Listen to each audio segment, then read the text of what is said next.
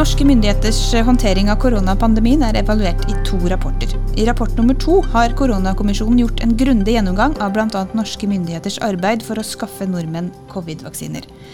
Det var ikke akkurat en rett frem jobb.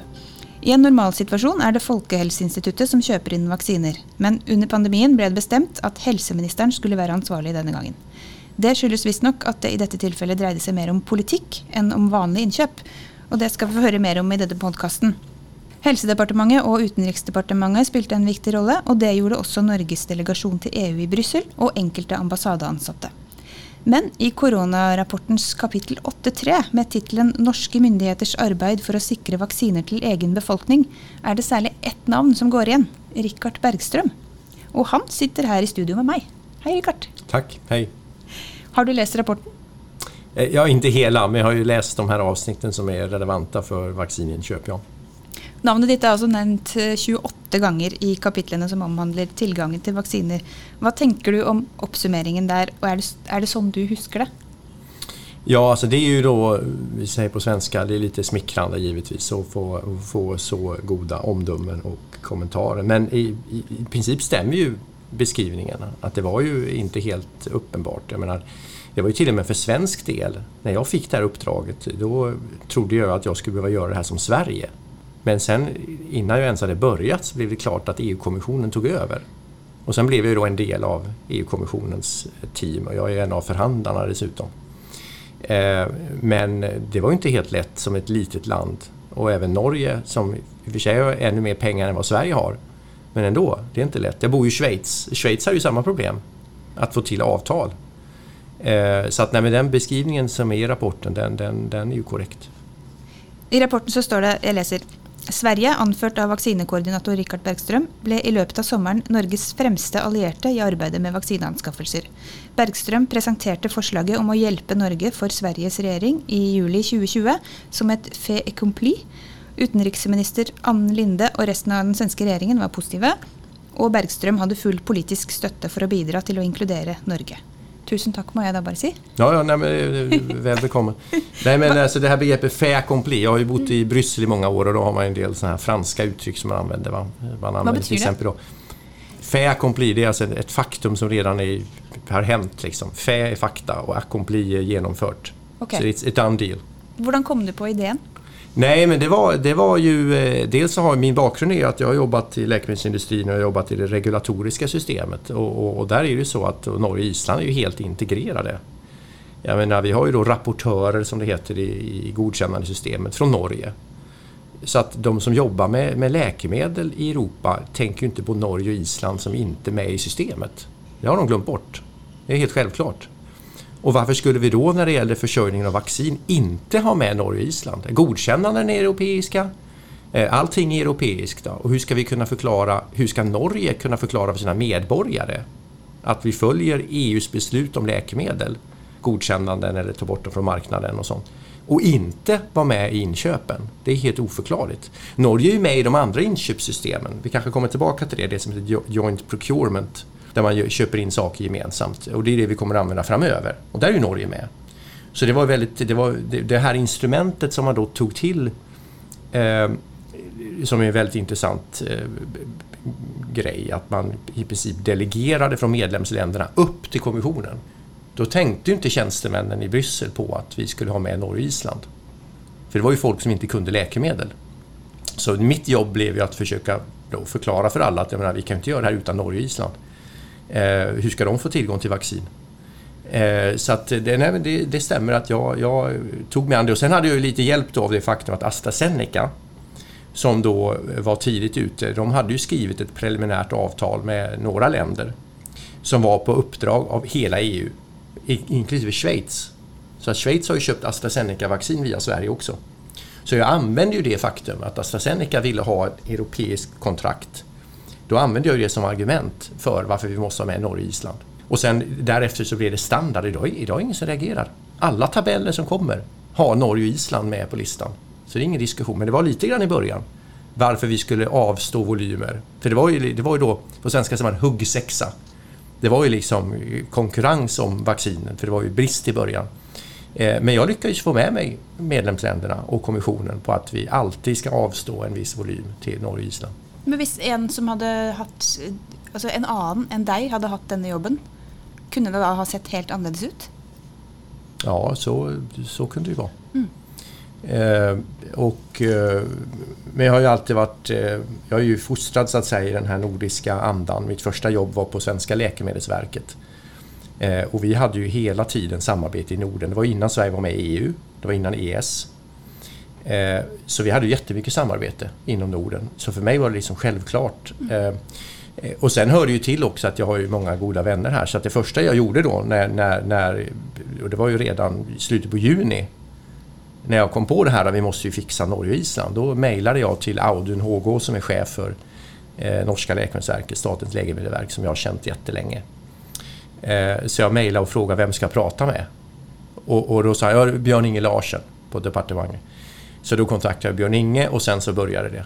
Så att säga. Och just den här första biten, den kanske inte finns med i rapporten från Coronakommissionen, men det, Nej, för det, där står det började. att 1 augusti 2020. Ja, men det var, det, var faktiskt, det var faktiskt tidigare då mm. eh, som, som, eh, som det började. Va? Och då fick jag ju kontakt med Björn Inge och eh, kollegorna på hälso och omsorgsdepartementet. Mm. Så det var inte de som kontaktade dig, det var du som kontaktade dem faktiskt? Ja, det var faktiskt jag som kontaktade mm. dem. Mm. För jag sa att det finns en möjlighet här att ni kan ta det här via EU.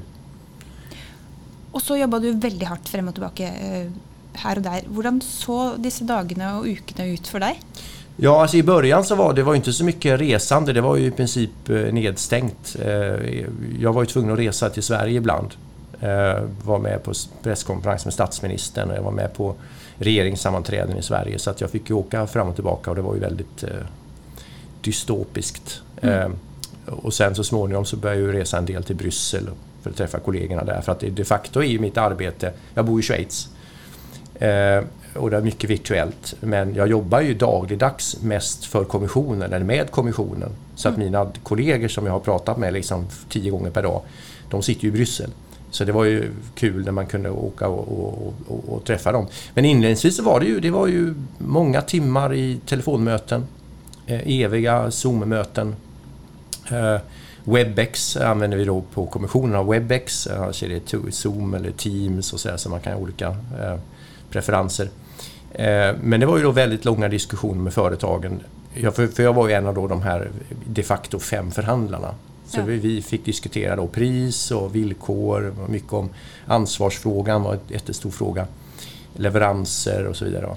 Eh, så att det var, det var otroligt eh, intensivt. Jag, jag minns, jag har ju en, en, jag har varit med i TV i Norge också så har jag, gör jag det ofta hemma från vardagsrummet och då har jag en sån här flagga, sån här roll-up som har kommissionens eh, logotyp på sig. Oj, så pass? Du har den Ja, ja, det finns en från EU-kommissionen så folk tror att det är i Bryssel din... ofta.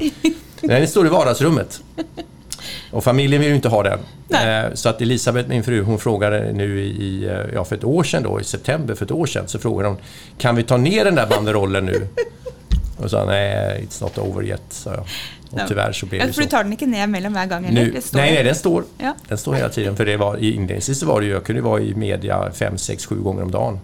Och det var ja. både norsk media och svensk media. Ja. Och i, i viss del europeisk media. Så det var ju hela tiden att man fick man fick improvisera och då skickade då, jag skickade ut ett sms till familjen så här, okej, okay, TV-sändning i vardagsrummet. Eh, 10.10 till 10.30 så de visste att de inte skulle komma ut då. Oj, oj, oj. Så att det, var, nej, det var en intressant tid. Icke 9 till 4 jobb? Nej, nej och eh, faktum är att eh, första året, första 365 eh, dagarna så räknade någon efter att vi då i den inre gruppen, det här förhandlingsteamet, vi hade ju träffats varje dag utom två. Nyårsdagen och påskdagen. Akkurat. Vi hade alltså möte på nyår, julafton på morgonen tre timmar och nyårsafton tre, fyra timmar. Ja.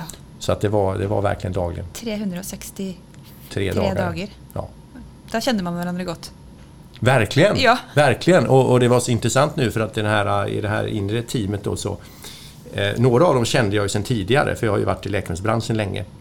Så att eh, till exempel eh, min kollega i Tyskland och Portugal och så, de kände jag ju sedan tidigare. Så det var ju bara att reconnecta då digitalt. Men till exempel min spanska kollega som har varit väldigt aktiv i förhandlingarna träffade jag ju först efter två år. Så vi träffades i Prag nu i somras. Så hade vi möte första gången face to face. Och eh, jag, jag grät faktiskt. Gjorde du? Ja, för Oj. det var så underbart att träffa honom. Cesar heter han. Det var så fantastiskt att träffas för det var så intensivt. Du, et, etter hvert da, når det ikke var lockdown lenger, så kunne du reise, eller da måtte du reise mye. Har du tall på hur många coronatester du har tagit eh, in och ut av ja, Först så reste jag faktiskt även när det var lockdown, för jag fick ju sån här vet du, exception. Liksom. För att I Schweiz där jag bodde så fick jag ett, ett brev från kantonen som det heter då, som sa att du, du är liksom undantagen ja. för mitt arbete. Men var du untatt att måtte ta coronatest? Eller måtte du Nej, coronatest fick jag ta, men däremot var jag undantagen karantän. Ja. För att om man kommer ut, kommer man utifrån så måste man ha karantän. Mm. Ja, men det slapp jag då som tack var. Men jag reste inte så mycket. Jag åkte kanske varannan, var tredje vecka i genomsnitt under den här tiden. Men jag har tagit otroligt mycket sådana här tester och det finns ju de som är bättre än andra och man märker också att de här operatörerna, alltså de som har den här stickan, jag, jag kommer ihåg en gång i Schweiz så, så gav jag beröm till tjej, tjejen då, det var en, en, en sköterska då, som tog det här och, och hon var så duktig. Ja. Eh, men när de säger till dig så här, de petar ut sån här stickan långt upp i näsan och så börjar man gråta då. Ja. ja. Och så, ja, det är bra att du gråter för då, det, det, det, det betyder att jag har tagit den långt upp nog. Okej. Okay. Så det var deras, det var deras liksom endpoint. Det var att, att sticka upp den så långt så att du börjar gråta, då är de klara. Uff. Nej men alltså ja, det är hopplöst. Alltså, jag, har ju min, min, jag har ju vänner som säger så här, de tar ju hellre en vaccinspruta ja. än att ta den där stickan i näsan. Ja, jag också. Ja, du ja. också ja. ja. Mm. ja. Usch. Men det var alltså dessa här förhandlingarna då, för att få ja. sörja för att Norge också kunde få dessa vacciner. Det, det var intensiva veckor i eh, hösten 2020 då, plus lite tid som inte står i rapporten. Och så jobbade regeringen i Norge på flere spor for å sikre vaksiner til befolkningen. Annet tok de kontakt med EU-kommisjonen, flere enkeltland og legemiddelselskapene direkte. Ja. Ehm, men legemiddelselskapene de mente at EU burde drive prosessene, i stedet for at det skulle være opp til hvert enkelt land. Og så står det i rapporten at i møter eh, Pfizer og AstraZeneca hadde med norske myndigheter, så ble ønsket gjentatt, og legemiddelselskapene gjorde det klart at Norge ikke kunne bli prioritert over andre land. Hva syns du om at industrien selv satte foten ned på dette? Nej, men jag tycker att det där var förståeligt och det här är också någonting som inte liksom har kommit fram i, i den allmänna debatten. Det är ju att eh, läkemedelsföretagen allokerade, alltså fördelade ju sin kapacitet väldigt rättvist över världen. Man skulle kunna tro att det här, ja nu är det högstbjudande, den som betalar mest får. Så är det inte, så blev det inte. Nej, och det var ju till och med så att man reserverade väldigt stora volymer för den globala försörjningen. Det är ett annat kapitel vi kan komma tillbaka till. Mm. Eh, varför det inte har fungerat så bra som man hade kunnat hoppas. Men så att det var ju så när Fights till exempel kom då. Eh, så ja, de hade 300 miljoner doser som de kunde sälja till EU. Det gick inte att få mer. För de sa vi har reserverat 200 miljoner till USA, vi har EU 300 miljoner. Vi har till Japan och så har vi till, till, till utvecklingsländerna reserverat vissa volymer. Så de hade ju liksom allokerat det här. Och det, och det visar ju på att företagen faktiskt eh, tänkte väldigt strategiskt för att få en jämn fördelning i världen. Och sen kan man ju också förstå då att det, det, går inte, det är ju orimligt att de ska hantera 192 länder i världen och skriva kontrakt och förhandla om priser och allt möjligt. Så att det, det är väl ganska förståeligt. Nu gick det ju bra. Jag menar Schweiz har då som jag sa, har ju då delvis vaccin via EU men de har också sina egna kontrakt. Då. Och i fallet Norge så löste det sig, Norge och Island. Eh, men jag tycker det är förståeligt att företagen tog den linjen från början. Men när det då äntligen löste sig och man visste hur man skulle göra det för att Norge skulle också få vacciner så blev det nog tolltull och exportrestriktioner. Ja, men det är, det är också ett sånt där exempel på där, där liksom du ordnar det är en massa tjänstemän, jag fixar det också, men det är tjänstemän som inte liksom eh, tänker igenom saker och ting. Så det var ju så att, och det här är också någonting som kanske inte har kommit fram och det är ju att USA hade ju exportstopp för vaccin. Det var exportförbud både för vaccin och för råvaror eh, länge. Och det var inte förrän de i princip var klara i USA. Nu kommer ju inte de speciellt långt. De har en vaccinationsgrad som är lägre än, än de flesta EU-länder. Eh, men det var ju först när de var färdiga som de tillät export av vaccin.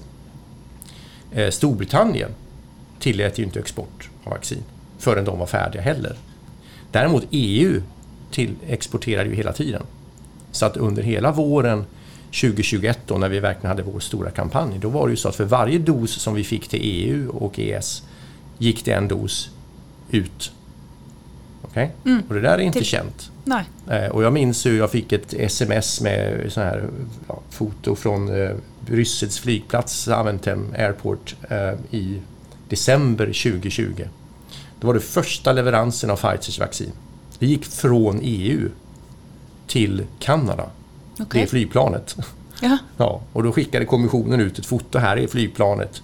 Those are our vaccines.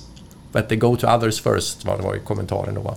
Ja, okay. Så här lite smått surt. Ja. Eh, men då hade vi inte ett godkännande ännu. Vi väntade fortfarande på godkännande från, från Europeiska läkemedelsverket.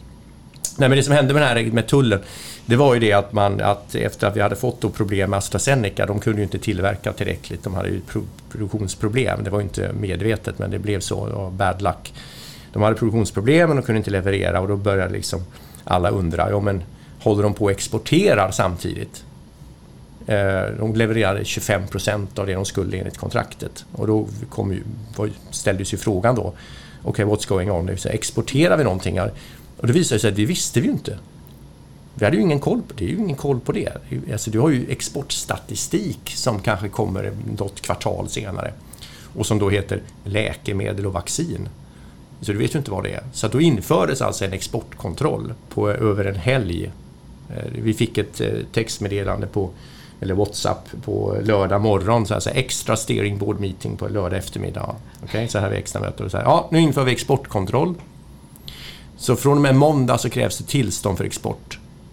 Eh, Okej, okay. så att då fick jag jobba på söndag och leta reda på vilka myndigheter som skulle vara inblandade och vi skulle ha kontroll på exporten från Sverige.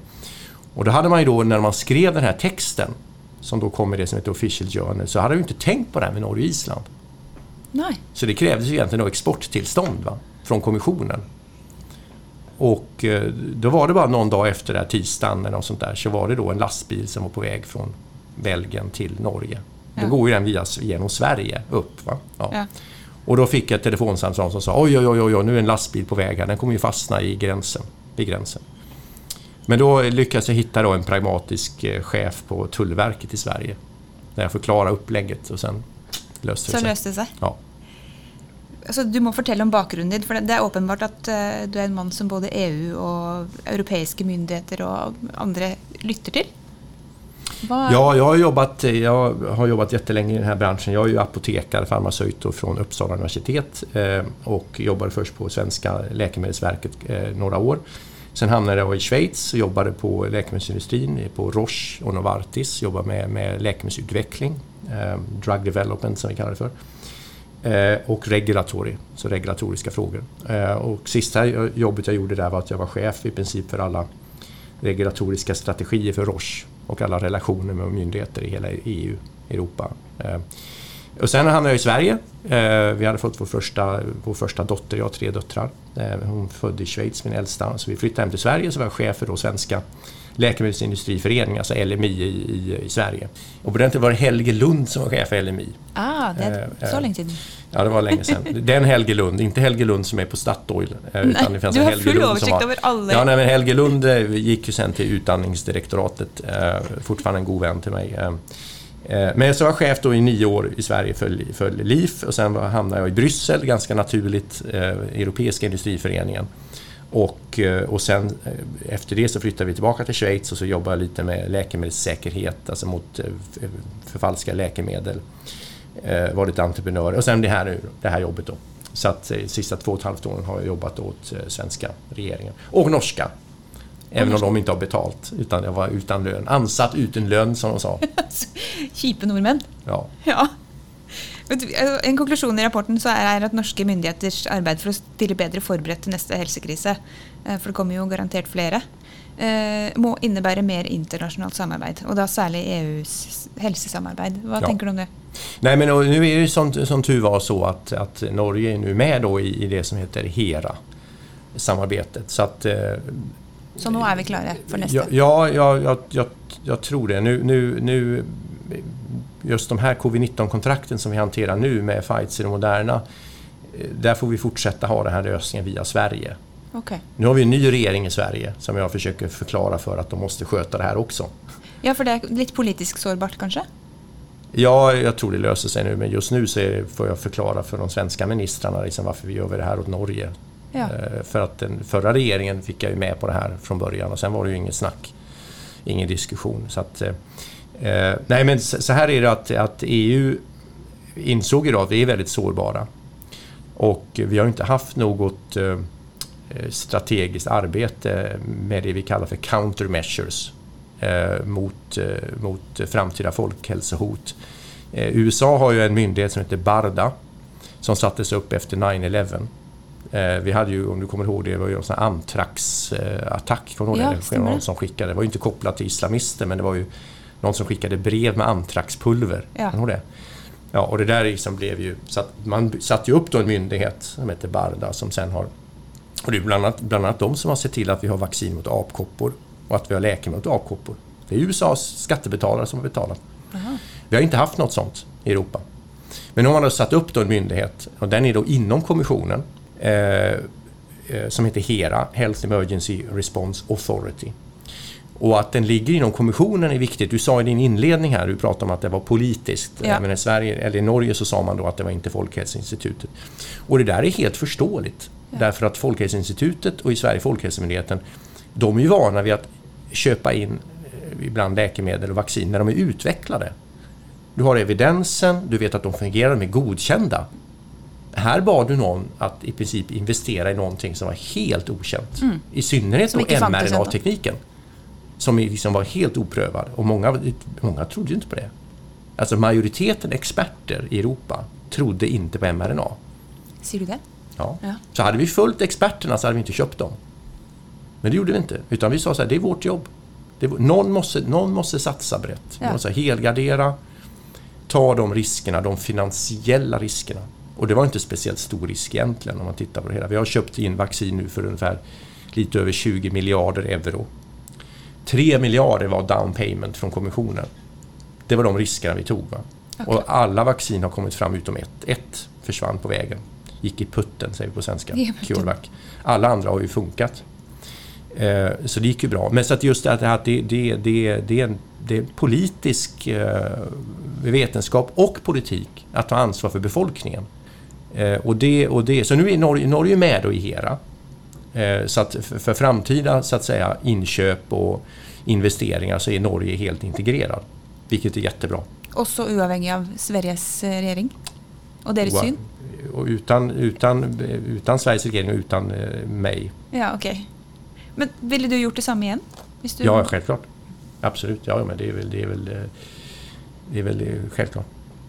Hva bør gjøres, mener du, for at det skal være langt mindre sårbart og skal vi si tilfeldig neste gang? Eller er det, er det løst nå med dette her? Nej, alltså för norsk del så är det ju så att säga, Norge är ju med i Ja. systemet ja, framöver. Så det, det är löst. Ok. Men däremot så är, så är det mycket vi måste göra för att ha den här beredskapen. Och det ena är givetvis att du har eh, alltså läkemedelsutvecklingsprojekt och vaccinutvecklingsprojekt. Men sen måste du också ha tillverkningskapacitet. Och jag vet att det har varit en del diskussioner här i Norge om det. Eh, och, och där pågår det ju också ett arbete i EU-kommissionen som drivs av en annan del av kommissionen som ett projekt med EU-FAB som handlar om att se till att ha tillverkningskapacitet både för aktiva substanser, råvaror och eh, eh, sista steget då vi kallar för fill finish i det här fallet när du har, när du har eh, injektioner. Eh, att du har eh, kapacitet. Mm. Ja. Och då, då har vi också lärt oss det från jämfört med kalla krigets tiden med fabriker i något bergrum någonstans som står stilla och som man ska starta upp. Det funkar ju inte med den här typen av läkemedel. Det tar ju jättelång tid att starta upp så det går ju inte. Eh, det är en sak om du ska tillverka koksaltlösning för, för sjukhusen. Det kan du göra, kanske starta upp på någon månad eller vecka. Men det här är mycket, mycket svårare. Så att du måste ha en, en eh, infrastruktur som, som löper hela tiden. Och begreppen man använder då är då eh, It's, ever, it's always warm, alltså varm. Alltså den används hela tiden. Så att fabrikerna används hela tiden för någonting. Sen kan det finnas då en extra kapacitet. Och du kan också rotera personalen och eh, utrustningen. Va? Eh, och, och vi ska inte heller underskatta det här. Det handlar inte bara om byggnader och fabriker. Det handlar om personal, det handlar om rutiner, det handlar om validering, det handlar om kvalifikation. Och allt det där kan man inte starta upp på nolltid. Så att, eh, men Norge är ju som sagt var med i det. Men, men som Europa så har vi ju mycket kvar att göra för att se till att vi har kapaciteten nästa gång det händer någonting. Er det planlagt noe der i Europa på hvordan man skal løse det? Ja, ja det, det, det finns då... Alltså HERA-myndigheten är ju helt ny. Så att de har ju nu tagit fram då ett utkast till liksom workplan för de kommande åren. Eh, och sen har man då det här EU-FAB-samarbetet och eh, en hel del av, av eh, de pengar som nu finns då i recovery money eh, efter pandemin kommer ju också användas i den här typen av eh, eh, beredskapssatsningar. Vad tänker du om, om norsk vaccinproduktion då? Är det en god idé? Ja, jag vet ju, det finns ju, det finns ju tydligen, tydligen en vaccinfabrik i Lofoten läste jag någonstans om. Ja, precis. Spännande. Nej, men alltså jag tror också att det är så här, man får ju titta på de, komponenterna, delarna. Jag tror många har fått ögonen för det, att liksom, det, det är inte bara det här sista steget. Du vet när man tittar på TV och de ska illustrera någonting kring, kring läkemedelstillverkning eller vaccintillverkning. Då är det alltid såna här flask, injektionsflaskor och vialer som åker på ett rullande band. Mm. Men det är ju så mycket mer än det. Ja, det är bara sista, det är bara sista steget. Sista steget. Ja, ja. Men det är ju mer, det, det är mer så att säga tangerbart på något sätt, där man kan se det, man kan förstå det. Men du har ju så mycket mer. Så till exempel då i Sverige så har vi då ett företag som heter Cytiva som en gång var GE som är väldigt stora här i Norge. Eh, och innan det var det Pharmacia.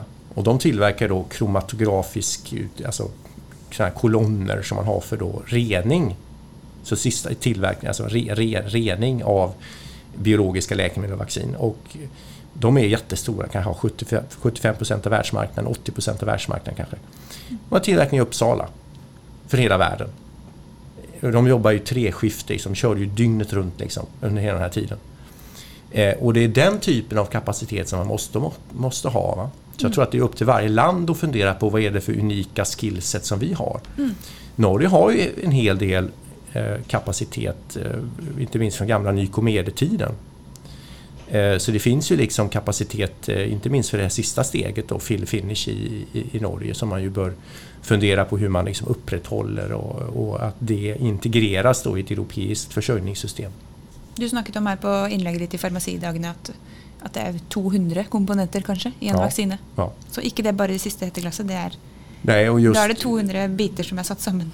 Ja, nej, men, så, så, nej, men så, så, så, är det då. Och om du tar till exempel då mRNA-vaccinen som är våra stora vaccin från Pfizer, Biontech och eh, Moderna. Så, så dels är det ju själva mRNA-strängen eh, som ju börjar som en plasmid, alltså ett cirkulärt DNA som man tillverkar rekombinant.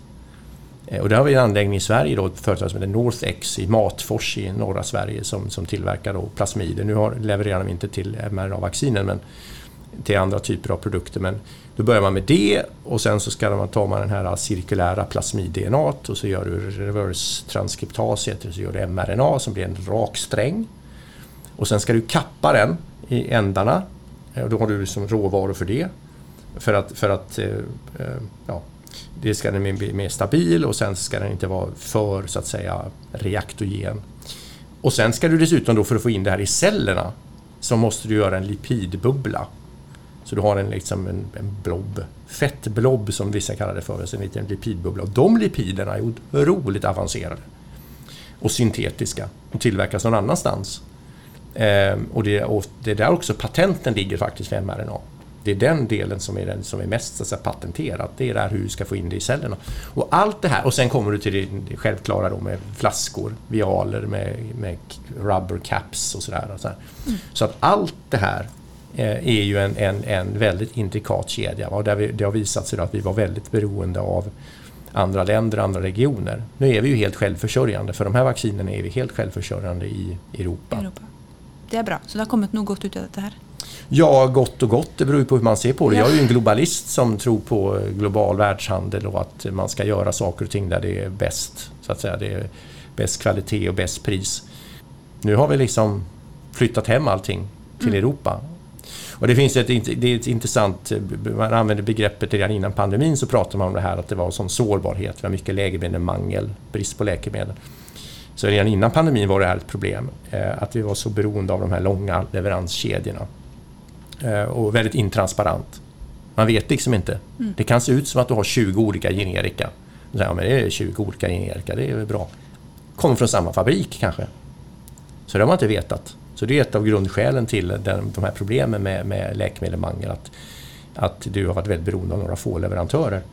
Eh, men, men, det vi också eh, såg, såg i, i det här det är ju då att länder stänger gränser som vi är inne på va? Och, och inte tillåter export och så vidare. Så att, så att eh, vi använder begreppet då backshore, onshoring, backshoring, alltså betyder att du flyttar tillbaka. Och så det tycker jag är allra mest morsomt nu, det är begreppet reshoring. Som man kan lite wordplay med det, va? reassure, alltså reshoring, flytta tillbaka och ja. reassure att du, att du har produktion hemma. Så det är den stora eh, trenden ska jag säga i läkemedelsbranschen generellt sett. Inte bara pandemirelaterat utan det är liksom att nu flyttar vi tillbaka saker och ting till Europa. Men du menar alltså inte att det är nödvändigtvis är det riktiga? Är det så du förstår? Jag, tror att det, ja, men jag, jag, jag, jag, sitter och skruvar på mig lite här för att det, det, jag, har, jag har double feelings. Va? Ja, okay. För att jag vill ju inte se en värld som är protektionistisk och där alla bara tänker på sig själv. Jag tror ju på global världshandel och frihandel. Eh, men jag tror att det har varit nödvändigt och det är nog nödvändigt att vi är mer självförsörjande. Du har eh, också lagat en rapport om coronapandemin sett från Sveriges ståsted. Vad står det där? Ja, alltså jag, i Sverige så är jag ju formellt sett en utredning. Du är ju en utredning, sa de till mig när jag började. Du är en ja, utredning? Vad är en utredning? Ja, men du är ju typ generaldirektör, du är en utredning. Eh, så att jag lämnade en, en rapport eh, som är väldigt eh, snygg. Också det är fina EU-färger. Eh, den finns på, Sverige, på hemsidan på regeringskansliet, man kan titta på den. Eh, som handlar om, om eh, tillgång till vaccin mot covid-19.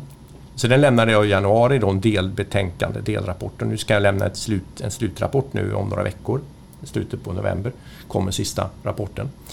Eh, och det är väl mer liksom för att någon måste skriva ner det här. Alltså hela den här processen har ju varit väldigt intransparent. Eh, och det beror ju på att det har gått utanför alla system. Det har inte varit en del i EUs normala komitologi, som det heter. Det har varit utanför EU-systemen. Det var väldigt mycket hemlighetsmakeri. Som svensk eh, så känns det konstigt att man inte har så mycket offentlighet. Va? Men det är så det är. Vi behövde ha hemlighet i början för vi förhandlade hemliga kontrakt och priser och villkor och så. Eh, så för mig var det väldigt viktigt att, att de här eh, fakta eh, nedtecknades. Så att utredningen är, den kanske är lite torr att läsa. Men sen håller jag på med en bok också.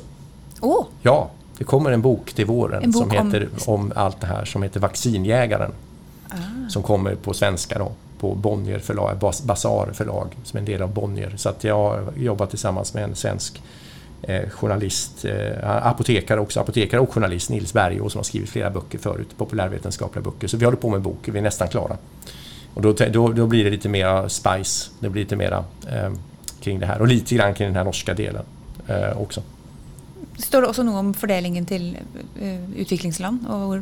Ja, det har jag mycket om. Ja det är väl den biten som jag tycker att vi inte lyckades med som, som eh, världssamfund.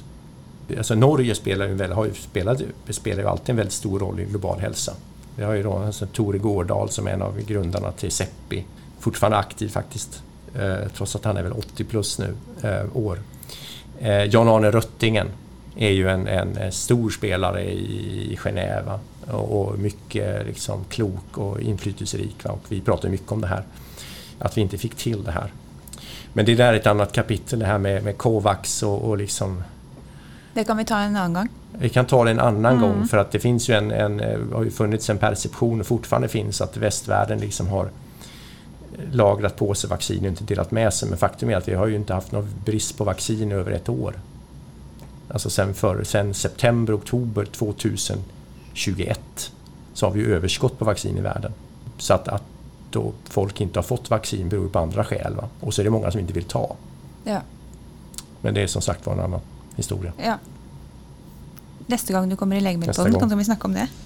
På LinkedIn så står det fortsatt eh, att du är eh, svenska myndigheters vaccinekoordinator, men eh, du har fått ny jobb? Ja, jag ska börja på, jobba på ett eh, företag som heter IQVIA eh, som är, är, är kanske okänt. Eh, för många inom branschen så vet man vilka det är. Det var en fusion av gamla IMS Health och Quintiles. Så är världens största eh, Contract Research Organization för kliniska prövningar. Men jag kommer ju främst att jobba med hälsodata. Där det ju finns jättemycket att göra med att, att få tillgång till hälsodata för nya tjänster, digitala tjänster. Eh, det vi kallar för secondary use of data. Det finns ett stort, väldigt ambitiöst eh, paket med lagstiftning från EU som även gäller Norge som heter European Health Data Space. Så att jag, jag går tillbaka lite mer till reguljär verksamhet. Det har ju varit som någon form av militärtjänstgöring här ett tag, plikt att göra det här jobbet. Men jag måste få komma tillbaka till någon form av normalitet. Lite stillare dagar? Ja, ja så familjen det, får det, lite det, det, vet jag inte men då slipper i alla fall den här banderollen hemma i vardagsrummet ja. med EU-kommissionens flagga. Den kommer jag ta ner. Men, så att just nu så håller jag på att fasa ut mig. Så att jag, jag lämnar över nu till en, en, en kollega på svenska eh, regeringskansliet som tar över. Och så må jag bara avsluta med att citera från Coronakommissionens rapport igen. Från kapitel 8.6. Konsekvenser av valgene som blev tatt och kommissionens anbefalinger. Där står det klart och tydligt under mellomtitelen 'Omtenksomme svensker'. Efter vårt skjønn har svenska myndigheter gjort mer för Norge i denna saken än man kunde förvänta av ett naboland. För Norges del var Bergström rätt man på rätt plats under denna krisen. Det är inte gitt att man är lika heldig nästa gång. Tusen tack för att du kom i Läkemedelspodden, Richard Bergström. Tack.